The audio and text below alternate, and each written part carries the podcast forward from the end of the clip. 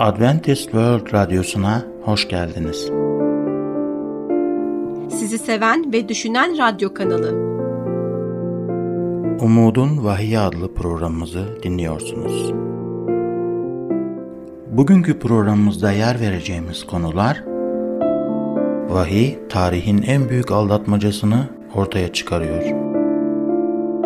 Antikoagülanlar ve gıda kısıtlamaları Değerli dinleyicilerimiz, programımıza hoş geldiniz. Bugünkü konumuz vahiyin tarihin en büyük aldatmacısını açığa çıkarması. Bu konuda aklınıza takılan her türlü soruyu yanıtlamaktan mutluluk duyacağımız için lütfen WhatsApp numaramız olan artı 357 99 786 706 üzerinden bize yazın. Her şey her zaman göründüğü gibi olmadığını hepimiz biliyoruz. Hepimiz fark etmişizdir. Yüzyıllar boyunca bilim adamları dünyanın evreni sabit merkezi olduğuna ve güneşle yıldızların dünyanın etrafında döndüklerine inanıyorlardı. Dünyanın hareket halinde olduğunu ve güneşin etrafında döndüğünü ilk defa söyleyen Polonyalı Kopernik oldu. Örümceğin hikayesine düşünelim. Aristo örümceği bir böcek olarak sınıflandırmıştı ve her böceğin altı bacağı olduğunu düşünüyordu. Yüzyıllar boyunca kimse büyük Aristoteles'in düşüncelerini sorgulamadı ve sadece örümceklerin böcek olduğunu ve bu yüzden de altı bacaklı olduğunu varsayıyorlardı. Örümceğin sekiz bacaklı bir eklem bacaklı olarak sınıflandırılmasını yapan kişi Jean Baptiste Lamarck'tı. Yani yüzyıllar boyunca örümcek altı bacağı sahip bir böcek olarak düşünülüyordu. Yüzyıllar sonra ise aslında örümceğin sekiz bacaklı bir eklem bacaklı olduğunu ortaya çıktı. Buradan da anlayacağımız gibi yüzyıllardır bir şeye inanılması onu doğru yapmaz. Bunun gibi uzun süredir Hristiyan kilisesinde bir gelenek veya uygulama söz konusudur. Uzun yıllar birçok kişi bunu uyguluyor ama bu onu otomatikman doğru yapmaz. Muhtemelen Hristiyan kilisesine bazı insani öğretişler girmiş olabilir. Pek çok kişinin hakikat yerine yalan kabul etmesi ve bugün çok az insanın bunu sorguluyor olması da mümkündür değil mi? 2000 yıl önce İsa Mesih Ferisilerin insani öğretişlerini eleştiriyordu.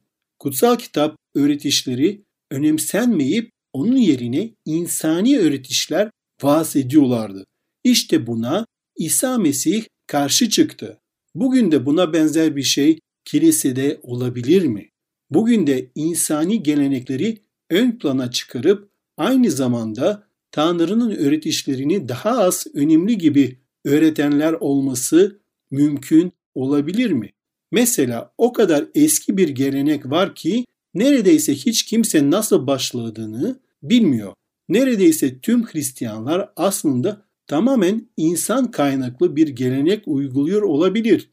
Aynı zamanda onlar Tanrı'nın kanununa uyduklarını zannediyor olabilir. Hepimizi şok edecek bir gelenek karşımıza çıkabilir. Programımız için şu temayı seçmemizin nedeni de budur. Eğer bir şey kutsal kitapta ise ben buna inanıyorum, kabul ediyorum. Ama kutsal kitap ile uyuşmuyorsa bana göre değildir. Vahiy kitabı şeytanın Hristiyan kilisesine yanıltmaya çalışacağını söylüyor. Vahiy 12.9'da büyük ejderha, iblis ya da şeytan denen bütün dünyayı saptıran o eski yılan melekleriyle birlikte yeryüzüne atıldı. Şeytan bir aldatıcıdır. Amacı ise Tanrı'nın tahtını devirmek.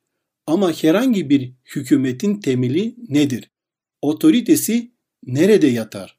Herhangi bir hükümetin otoritesini temeli kanun koyma kabiliyetinde yatar. Eğer söz konusu kişiler yasalarınıza uymayı reddediyorsa o zaman sizin vatandaşınız olmaya reddediyorlar demektir. Yani şeytan Tanrı'nın kanununa saldırdı. Tanrı'nın yasasının tam kalbinde olan, tam merkezinde olan Şabat günü vardı. Öyleyse büyük aldatıcı olan şeytanın yaratılışının sembolü olan Şabat'a meydan okuyarak yaratıcıya saldırması mantıklı değil mi? Fakat şeytanın aldatmacılarına rağmen hala dürüst imanlılar var. Dürüst ve yürekli Hristiyanlar Tanrı'yı seviyorlar ve kutsal kitapta yazılanları okuyorlar. Tanrı'yı seviyorlar ve bundan dolayı Tanrı'nın buyruklarını tutuyorlar. Tanrı'nın parmağıyla yazılan on emri ve dördüncü emri gören dürüst ve yürekli Hristiyanlar var. Kelamda şöyle diyor Mısır'dan çıkış 28'den 10'a kadar. Şabat gününü kutsal sayarak anımsa 6 gün çalışacak bütün işlerini yapacaksın. Ama 7. günü bana Tanrı'nın Rabbe Şabat günü olarak adanmıştır. O gün sen, oğlun, kızın, erkek ve kadın kölen, hayvanların aranızdaki yabancı dair hiçbir iş yapmayacaksın. Görüyorsunuz ki birçok Hristiyanın kafası karışık. Katıldıkları kilisinin geleneğine bakılırsa 7. gün Şabat'ı değil ilk gün olan pazarı tutuyorlar. Birçok dürüst Hristiyan Luka 4.16'da İsa'nın gelenek gereği 7. gün Şabat'ta kiliseye gittiğini okur. Mesih Matta 24.20'de öğrencilerin de çarmıktan 40 yıl sonra Şabat'ı kutlayacaklarını söylediğini okuyorlar. Elçiler işleri 13.42'den 44'te ise elçi Pavlus'un bütün bu şehre 7. gün Şabat'ını tutmayı öğrettiğini okuyorlar. Vahiy 1.10'da ise Rabbin günü olduğunu okuyorlar. Luka 6.5'te ise İsa onlara insanoğlu şabatı gününün de Rabbidir diyor. Ve Markus 2.27-28'de ve Matta 12.8'de ise aynı şeyi okurlar. Sonrasında ise kafaları oldukça karışıyor ve kutsal kitap şabatının kim değiştirdi diye soruyorlar. Buna kesinlikle Tanrı'nın yapmadığını biliyoruz. Çünkü kutsal kitap diyor ki Malaki 3.6'da çünkü ben Rabbim değişmem. Sonra kutsal kitaba bakarlar ve İsa'nın şabatı değiştirmediğini görürler. Çünkü kutsal kitap şöyle der. İbraniler 13. bölüm 8. ayet. İsa Mesih dün, bugün ve sonsuza dek aynıdır. Tanrı şabatı değiştirmedi. İsa şabatı değiştirmedi. Ve öğrencileri yani havariler de şabatı değiştirmediler. Elçiler işleri 5.29'da Petrus ve öbür elçiler şöyle karşılık verdiler. İnsanlardan çok Tanrı'nın sözünü dinlemek gerek. O halde soru şudur. Tanrı şabatı değiştirmediyse, İsa şabatı değiştirmediyse, havariler şabatı değiştirmediyse o zaman bunu kim yaptı? Vahiy kitabı bölüm 13'te denizden yükselen bir canavar hakkında bir kısım okuyoruz. Bu bölüm canavarın işaretinin ve 666'yı okuduğumuz yerdir. Ancak canavarın nasıl tanımlandığına dikkat edin. Vahiy 13. bölüm 1. ayet. Sonra 10 boynuzlu 7 başlı bir canavarın denizden çıktığını gördüm. Boynuzlarının üzerinde 10 taç vardı. Başların üzerinde küfür niteliğinde adlar yazılıydı. Kutsal kitaptaki bir canavar siyasi veya dini bir güç veya bir krallık olabilir. Yükselen bir güç küfür niteliğinde bir güçtür. Demek ki Tanrı'ya karşı bir güçtür. Sadece Tanrı'nın sahip olduğu hakka o güce sahip olmak istiyor. Şöyle devam ediyor. Gördüğüm canavar parsa benziyordu. Ayakları ayı ayağı, ağzı aslan ağzı gibiydi. Ejderha canavara kendi gücü ve tahtıyla birlikte büyük yetki verdi. Ejderha kim? Tabii ki kutsal kitaba göre şeytandır. Şeytan bu gücü büyük bir otorite ile yerleştirir. Böylece tüm dünya onu dinler. Tanrı'nın yasası yerine kendi yasaları olduğunu ilan eder ve şabatı belirli bir saldırı hedefi haline gelir. Bu canavarı anlamak için Daniel'in kitabının 7. bölümüne geri dönüyoruz. Burada vahiy 13 ile aynı sembollere sahibiz. Aslan, ayı, leopar ve ejderha. Daniel 7 bize vahiy 13'ün kilidini açmamız için ve canavarın işareti ve 666'nın tüm konusunu anlamamız için bir anahtar veriyor. İkinci ayetten başlayarak Daniel 7'de şöyle okuyoruz. Şöyle dedi. Gece bir görümde göğün dört rüzgarını büyük denize saldırdığını gördüm. Denizden birbirinden farklı dört büyük yaratık çıktı. Denizden dört canavar doğar. Bu canavarlar birbirinden farklılar. Kutsal kitaptaki peygamberlik sözlerini yorumlamak için şu anahtarlara dikkat edelim. Daniel 7.17'de şöyle diyor. Bu dört büyük yaratık yeryüzünde ortaya çıkacak dört kraldır. Daniel 7.23'te ise bana şu açıklamayı yaptı. Dördüncü yaratık yeryüzünde ortaya çıkacak dördüncü krallıktır. Bütün öbür krallıklardan farklı olacak, bütün dünyayı yiyip bitirecek, çiğneyip parçalayacak. Böylece Daniel dört krallığı temsil eden dört canavar görüyor. Daniel'in zamanında başlayan bu dört dünyayı yöneten krallık bir zamanın akışına götürüyor. Daha önceki programımızı takip ettiyseniz Daniel bölüm 2'de dört krallık gördüğümüzü de hatırlarsınız. Orada bahsedilen heykeldeki metaller Babil, Medpers, Grekler, Roma ve sonunda bölünmüş Avrupa'yı temsil ediyordu. Canavarlar görümü Daniel 2'deki bu görüme daha fazla detay ve bilgi ekler. Bu bölünmüş Avrupa zamanında ortaya çıkacak ve Tanrı'nın yasasını değiştirmeye çalışacak. Bir gücü gün ışığını çıkarır. Şimdi kutsal kitabın ne olacağını nasıl öngördüğünü bakalım ve tarihin gerçekte olanları nasıl doğruladığını açıkça görelim. Şimdi ilk canavar Daniel 7.4'te şöyle diyor. Birinci yaratık aslana benziyordu. Kartal kanatları vardı. Ben bakarken kanatları koparıldı. Yaratık yerden kaldırıldı. İnsan gibi ayakları üzerine durduruldu. Ona bir insan yüreği verildi. İlk canavar kartal kanatlı bir aslan gibiydi. Arkeologlar Irak'ta eski Babil bölgesinin yakında kazı yaparken duvarlarda kartal kanatlı bir aslan gravürlerini buldular. Antik dünyada insanların Babil'i bir aslan olarak temsil ettiklerini biliyorlardı. Sonra başka bir imparatorluk yükselecekti. Babil sonsuza kadar dünyayı yönetemezdi değil mi?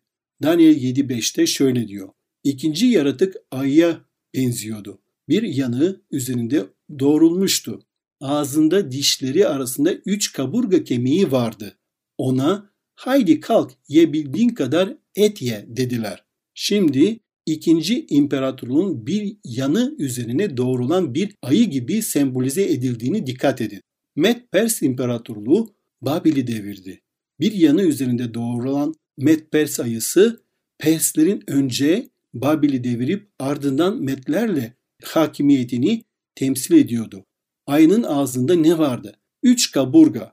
Med Pers krallığı dünyayı fethettiğinde önce Babil'i fethetti. Sonra kuzeye gidip Lidya'yı ardından ise güneye doğru Mısır'ı fethetti. Bu üç millet Babil, Lidya ve Mısır üç kaburgayı temsil ediyor. Kutsal kitaptaki peygamberlik sözü ön bildirisinin ne kadar doğru olduğunu gördünüz mü? Kesinlikle. Harika. Bunların ardından 3. imparatorluk yükseliyor. Daniel 7'yi 16'da sonra baktım Pars'a benzer bir başka yaratık gördüm. Sırtında dört kuş kanadı vardı. Bu yaratığın dört başı vardı ve ona egemenlik verilmişti. O üçüncü ulus neydi? Babil, Med, Pers. Peki sonrası kimler geliyor? Kesinlikle Grekler. Evet doğru. Grekler hakkında neler biliyorsunuz? En önde gelen Greklerin ordusunun lideri kimdi? Siz söylemeden ben söyleyeyim. En önde gelen Grek ordularının lideri bildiğiniz gibi Büyük İskender'di. O zamanlar bilinen tüm dünyayı fethettiğinde 30 yaşın biraz üzerindeydi. Büyük İskender'in imparatorluğu kanatlı leoparın temsil ettiği gibi dünyayı hızla fethetti. Peki ama neden dört başlı? Daniel'in bu canavarların tarihinin dört büyük dünya imparatorluğuyla ne kadar mükemmel bir şekilde sıralandığına bir kez daha dikkat edin. Büyük İskender 33 yaşındayken öldü. Çoğu krallığın aksine İskender öldükten sonra İskender'in oğlu tahta geçmedi. Bunun yerine dört generali onun imparatorluğunu böldü ve her biri yönetmek için pay aldı. Kutsal kitap dördüncü bir imparatorluğu anlatıyor. Nerede mi? Daniel 7. bölüm 7. ayette. Bundan sonraki gece görümlerinde korkunç, ürkütücü, çok güçlü dördüncü bir yaratık gördü. Büyük demir dişleri vardı. Yiyip parçalıyor, arta kalanı ayakları altında çiğniyordu. Kendisinden önceki yaratıklara benzemiyordu. On boynuzu vardı. Demir dişli bu dördüncü canavarın Roma'nın demir krallığını temsil ettiği çok açık. Bu dönem bizi Mesih'in zamanına götürüyor. Roma İsa'nın günlerinde dünyaya hükmediyordu. Hristiyanlık bu Roma İmparatorluğunda büyüdü. Devam etmeden önce bu konuyla ilgili herhangi bir sorunuz olması durumda WhatsApp numaramız olan artı 357 99 786 706'yı hatırlatmak isterim. Kutsal kitap Roma İmparatorluğu'nun çöküşünün dördüncü canavarın boynuzları ve heykelin ayak parmakların sembolizinde açıkça görünüyor. Daniel 2'nin heykellerin Avrupa'yı temsil eden demir ve kilden ayağı ve ayak parmakları vardı. Buradaki dördüncü canavarın ise 10 boynuzu var. Roma ise 10 ana bölüme ayrıldı. Tabii ki biliyoruz ki barbar kabileleri Avrupa'yı istila ettiler. Aynı zamanda kilisede kutsal kitabın öğretişlerinden ödün verenler oldu. Kilise içinde tartışmalar oldu ve devamında insanlar kilisenin ibadet günü olan Şabat'tan taviz verdiler. Şabat yerine başka bir gün ibadet etmeye başladılar. Daniel 7-8. ayette şöyle diyor. Ben gözümü dikmiş boynuzlara bakarken onların arasından daha küçük başka bir boynuz çıktı. İlk boynuzlardan üçü onun önünde söküldü. Bu boynuzun insan gözü gibi gözleri, böbürlenen bir ağız vardı. Kutsal kitap bu küçük boynuzun ortaya çıktığını ve diğerlerinden farklı olduğunu söylüyor. Kutsal kitap aynı zamanda bize bu gücü açıkça tanımlanmamız için kanıtlar da veriyor. Daniel 7.8'de mesela. İlk olarak bu küçük boynuz ilk 10 boynuzdan çıkar. 10 boynuzun Roma'nın bölümleri ise bu küçük boynuz Batı Avrupa'da ortaya çıkmalıdır. Bu küçük boynuz Asya'da, Afrika'da, Kuzey veya Güney Amerika'da çıkmıyor. Kökleri Avrupa topraklarındadır. İkinci olarak kutsal kitap bu küçük boynuzun 10 boynuzdan sonra çıkacağını söylüyor. Yani Babil, Medpers, Büyük İskender ve Roma günlerinden ortaya çıkmaz. Roma İmparatorluğu'nun çöküşünden sonra ortaya çıkıyor.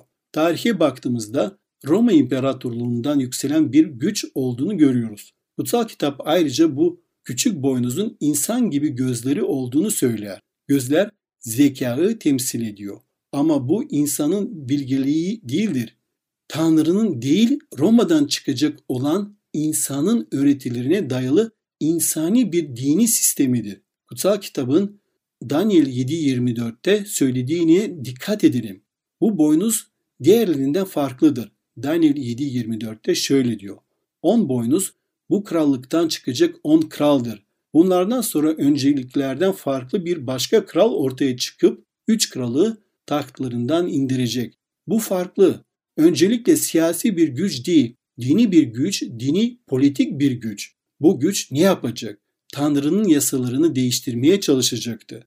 Kutsal kitabın Daniel 7.25'te şöyle söylediğine dikkat edin. Yüceler yücesinin kötüleyen sözler söyleyecek.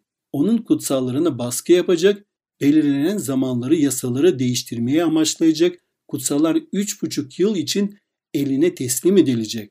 Bu güç Tanrı'nın kanununu değiştirmeye çalışacaktı. Burada açıkça ilahi yasalardan bahsediliyor.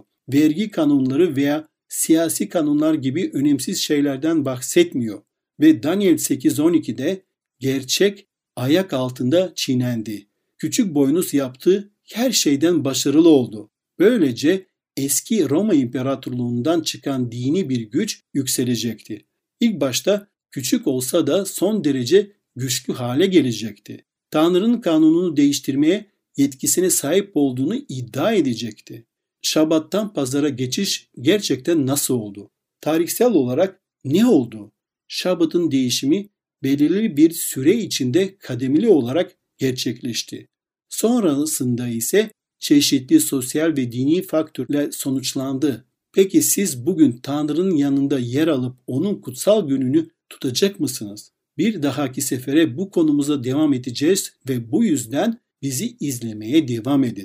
Bugünkü bölümle ilgili herhangi bir sorunuz varsa veya özel bir duaya gerek ihtiyaç duyuyorsanız lütfen hiç çekinmeyin ve hemen bize WhatsApp numaramız olan artı 357 99 786 706'dan veya e-mail adresimiz olan radyo.umuttv.org adresinden ulaşın. Sizi bekliyoruz. Bugünkü konumuzun sonuna geldi. Şimdi sağlıkla ilgili konumuzla programımıza devam edeceğiz. Bizi dinlemeye devam edin. Görüşmek üzere.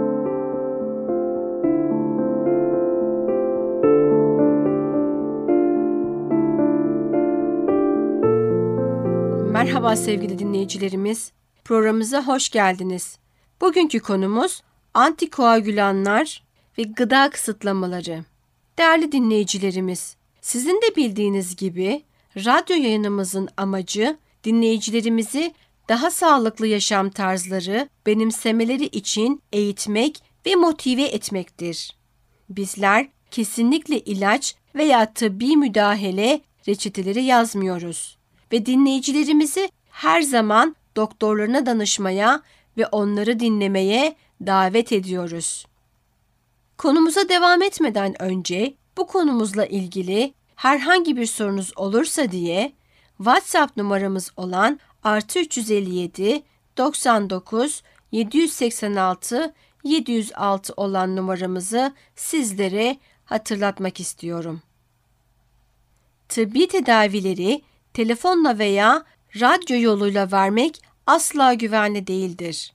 Bununla birlikte dinleyicilerimizin çoğunun doktorlarından reçeteler aldığının ve bazı ilaçların belirli gıdalardan kısıtlamalarla geldiğinin farkındayız. İşte böyle bir durumda ve birçok insan özellikle de yaşı ilerlemiş olanlar biraz rehberliğe ihtiyaç duymaktadırlar. Böyle bir durumda akla gelen soru şudur. Bir vejeteryan varfarin gibi bir antikoagülan ilaç alırken hangi yiyecekleri tüketebilir?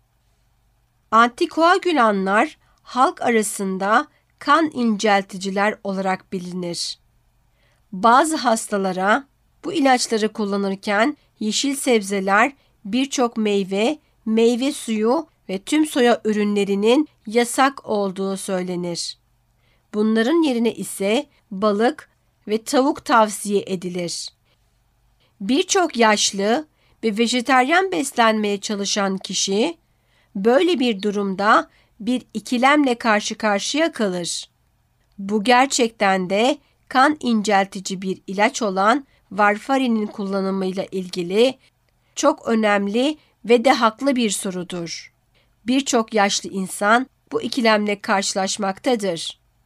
Ve varfarin alan tüm insanlar için beslenme bazı durumlarda bir sorun teşkil edebilir. Bu yüzden bu konuyu yani anlattıklarımızı ve anlatacaklarımızı doktorunuzla ayrıntılı ve derinlemesine tartışmanız büyük önem taşımaktadır. Varfarin, pıhtılaşma veya tromboz geçirmiş hastalarda kullanılan bir ilaçtır. Kan inceltici olarak bilinir. Antikoagülandır yani pıhtı oluşumunu engelleyerek çalışır. Varfarinin pıhtı oluşturma eğilimi olan hastalarda inme, akciğerde pıhtı, kalp kapağı anormallikleri, derin damar trombozu ve kalıtsal olan bazı pıhtılaşma sorunları gibi anormal pıhtılaşma sorunlarını önemli ölçüde azalttığı ve yaşam süresini uzattığı gösterilmiştir. K vitamini ise pıhtı oluşumunda önemli bir vitamindir. Varfarin pıhtılaşma sürecine dahil olan kimyasal reaksiyonlarda K vitaminin etkisi bloke eder. K vitamini brokoli, lahana ve ıspanak gibi yeşil yapraklı sebzelerde bolca bulunan bir vitamindir.